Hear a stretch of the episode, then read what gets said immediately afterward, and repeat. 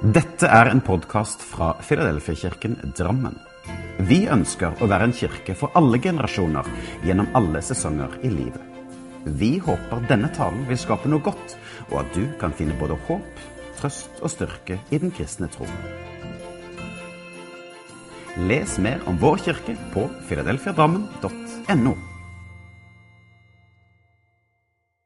Hei. Jeg tenkte jeg skulle starte med en liten historie fra jeg var liten. Og det begynner å bli en stund siden. Men vi var på hytta og skulle butikken og handle mat. Og så finner jeg noe som jeg har så veldig lyst på, nemlig kruttlapper.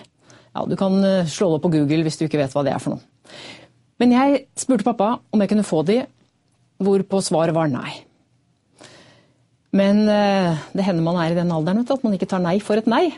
Så jeg puttet de i lommen og gikk min vei. Og så når vi kommer på hytta, så setter jeg meg utenfor og så smeller jeg disse kruttlappene med en stein på steintrappa ute. Så det blir veldig flott lyd. Og så kommer pappa. Han bare går forbi meg. Han ser meg, jeg ser at han ser meg. Og så går han inn på hytta. Og jeg sitter igjen der og kjenner at jeg har bare en sånn klump av dårlig samvittighet i magen. Og det uten at han sa noe som helst. Du kan si det sånn at det, sånn oppdragelsesmessig så funka det jo, for jeg har i hvert fall ikke stjålet siden. Men den derre samvittigheten Det finnes mennesker som tilsynelatende kan ta liv av mennesker, og kanskje til og med mange mennesker, uten at det virker som de har verken dårlig samvittighet eller anger. Og så fins det de som snubler over ei flue, og så har de dårlig samvittighet til lange tider etterpå. Hva er det der for noe? Hvordan går det an? Hvordan går det an å være så ulike? Og hva er egentlig denne samvittigheten? I Store norske leksikon Jeg tenkte jeg må slå opp og få liksom litt sånn leksikonsvung over det. Der står det at samvittighet er en egenartet følelse av behag eller ubehag, hvorved en person opplever sine egne handlinger som moralske, rette eller gale. Altså god eller dårlig samvittighet. Det finnes ulike teorier om hva samvittigheten egentlig er. Bibelen skriver faktisk en del om samvittighet, og jeg tenkte jeg skulle lese noen av de skriftstedene som jeg har funnet. Apostlenes gjerninger, kapittel 24, der står det Derfor er jeg, det er Paulus som sier det, alltid opptatt av å ha en ren og uskadet samvittighet, både overfor Gud og mennesker. I Apostlenes gjerninger, kapittel 23, så står det da Paulus sto foran dem, så han på dem og sa, Menn og brødre, helt til denne dag har jeg levd for Gud med en ren og god samvittighet. Og videre i et, et kapittel i Romerbrevet, kapittel 9, der står det Jeg snakker sant og lyver ikke. Min samvittighet og Den hellige ånd i meg vitner på Ja, så kan du lese videre sjøl hvis du er interessert. Hvorfor er vi så avhengig av god samvittighet? Og hva er det som skjer om vi lever med dårlig samvittighet?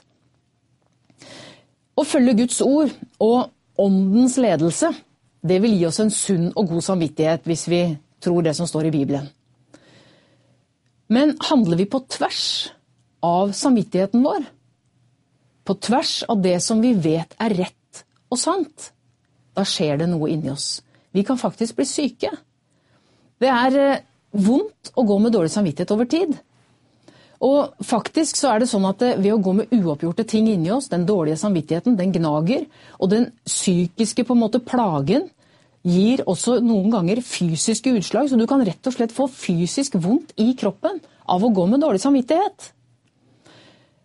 Og faktum er at det også kan gå utover livet vårt med Gud. Vi mister frimodigheten innenfor Gud. Og for noen så resulterer det kanskje også i avstand, og i noen tilfeller at man rett og slett faller helt bort fra troen. Og vi kan si at det er sånn som samvittigheten fungerer på godt og vondt.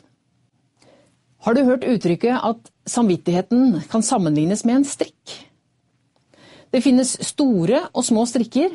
Noen går det lengre tid før de får dårlig samvittighet. Kan vi kalle dem syltestrikker. Mens andre har bitte små. Har du sett reguleringsstrikker? De er så små, de er så bitte, bitte, bitte, bitte små. Men de er kraftige. Og det skal bare bitte lite grann til før man føler på dårlig samvittighet. Noen kjenner strikken strammer raskt og trår tilbake, og da beholder jo strikken formen. Men noen har en strikk som de tøyer og bøyer og strekker og drar. Og fakta er at en strikk da den kan skifte form. Og faktum er jo også det at til slutt så kan en strikk ryke. Og da kan man ende opp som samvittighetsløs. Det er mye som er med å påvirke, påvirke samvittigheten vår. Eh, oppveksten vår, miljøet rundt oss, eh, kultur, oppdragelse, religion. I det hele tatt veldig mange påvirkningsmuligheter. Oppdragelse i enkelte kristne og religiøse familier mm, har nok vært en plass som kanskje til tider har skapt noen sånne små registrikker, for å holde oss til bildet, når det gjelder samvittigheten. Noen har vokst opp med dårlig samvittighet for alt, fordi at noen trodde de gjorde Gud en tjeneste ved å stramme strikken. Men så viste det seg senere at det var mer menneskeskapte bud og regler enn det var Guds bud og forskrifter. Og så kan vi jo stille oss spørsmål da, hvilke foreldre for eksempel, som føler at de har gjort en 100% god jobb når det gjelder barna sine, og har kun, dårlig, kun god samvittighet. Nei, det er ikke så mange av oss som finnes. Men vi handlet i god tro. Men så viste det seg at det kanskje ikke var så rett som vi trodde den gangen.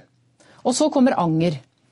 Og så skulle vi ønske at ting som ble gjort, var ugjort. Ting som var sagt, var usagt. Men som vi vet, om du har tyter noe ut av en kaviartube, så er det ikke enkelt å få det tilbake igjen på tuben. Det er umulig å få det usagt som er sagt.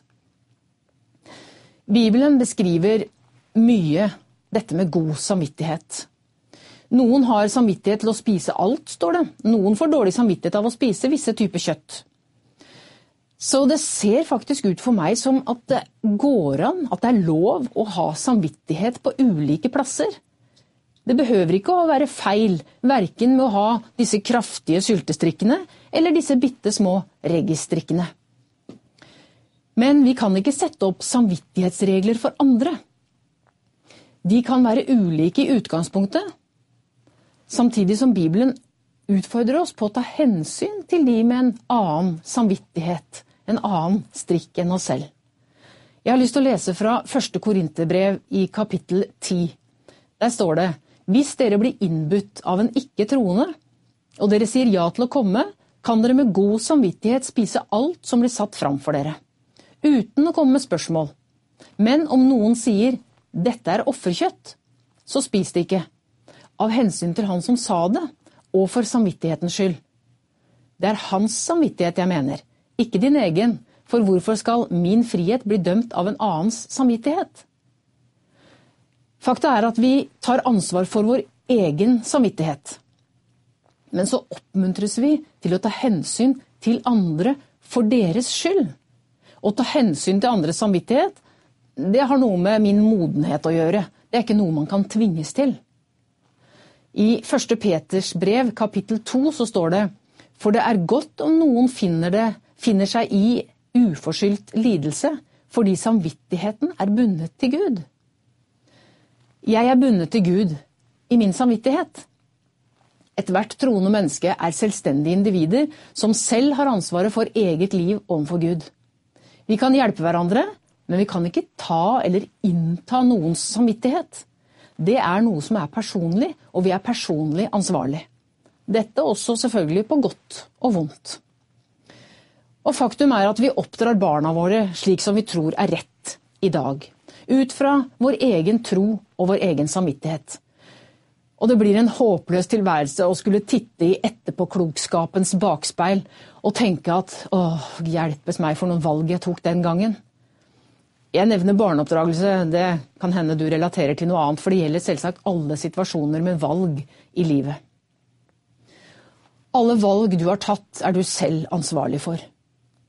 Du vil mest sannsynlig gjort det annerledes i dag, med mer kunnskap, mer modenhet, mer kjennskap. Men fakta er at du trenger ikke å gå rundt med dårlig samvittighet i dag. Det vil jo bare gjøre deg syk. Gå til Gud med det. Med den visdom og den åndelige modenheten som du har i dag. Be om tilgivelse om du kjenner det. Det er på sin plass. Å ha en samvittighet er nødvendig. Uten den så hadde vi gjort mange ting som er helt uakseptabelt både for Gud, men også for samfunnet. For fakta er at også samfunnet forventer at vi handler innenfor visse rammer. En sunn samvittighet stopper oss fra å gjøre ting som er dumme, og kanskje få oss til å tenke oss om to ganger. Men å tre strikker ned over andre, det er ikke innafor. Er samvittigheten dårlig og vi angrer, så trenger vi alle én ting som Bibelen snakker veldig mye om, og som kanskje er selve kjernen i den kristne tro. Tilgivelse. Eh, for en liten tid tilbake så kunne vi lese en del overskrifter i mange aviser. og Bl.a. i VG så leste jeg en overskrift med, i forbindelse med intervjuet med Petter Northug. Etter at han enda en gang hadde dumma seg ut, ifølge han selv og mediene. Og så står tittelen over 'Tilgivelse blir tyngre nå', uttaler Petter Northug. Og det er greit at Petter er fortvila over egen oppførsel. Det syns jeg er bare sunt at han er. Men han tenker at kvoten for tilgivelse den er brukt opp. Men så er det neste spørsmålet jeg stiller meg, hvorfor i all verden tenker Petter Northug på å få tilgivelse? Ifølge Bibelen så står det at eh, vi troende vi skal ha 70-gangen i hodet når det handler om å tilgi. Hvis folk tabber seg ut, ja, så skal vi ha 70-gangen i hodet og tilgi 70 ganger 7, står det faktisk. Men igjen stiller jeg meg spørsmålet hvorfor i all verden tenker Petter Northug på tilgivelse? Hvorfor skulle han trenge det? Det virker som han har, foruten de dumme tingene som hele verden får vite om, da, fordi at det skrives i avisen, foruten om det så virker det som han har et greit liv. Det virker som han har nok penger, god familie, flotte venner og et støtteapparat rundt seg. Så hvorfor trenger han egentlig å snakke om dette med samvittigheten? For saken er den at ikke all verdens penger kan kjøpe en god samvittighet. Det er bare én ting som kan hjelpe oss, og det er tilgivelse. Og tilgivelse fra mennesker, det er godt. Men det vi trenger kanskje aller mest, og først og fremst, det er tilgivelse fra Gud. I Bibelen, i Hebreerbrevet kapittel 10, så står det Derfor har vi frimodighet ved Jesu blod når vi går inn i Guds helligdom. På grunn av Jesu død kan vi gå inn forbi forhenget til det aller helligste og komme til Gud. Fordi Jesus er vår øverste prest, så kan vi gå nærme Gud, fylt av tro på Han, at Han vil ta imot oss.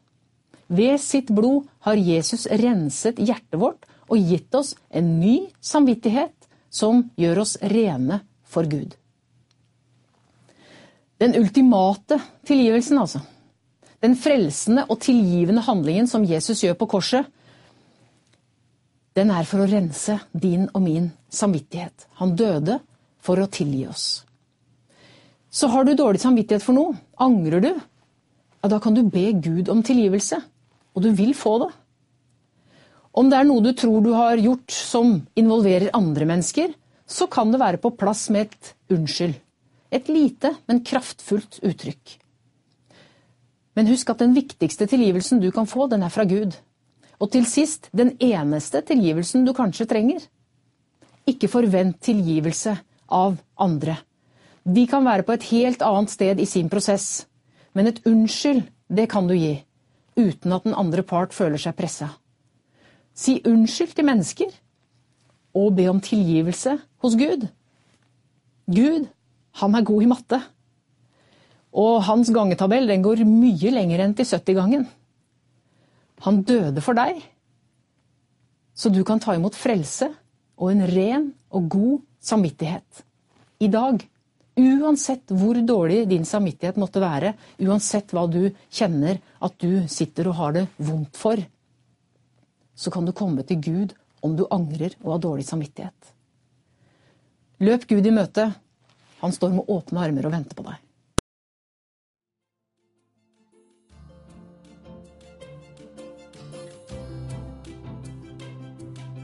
Som en avslutning på denne podkasten ønsker vi å lyse Herrens velsignelse over deg.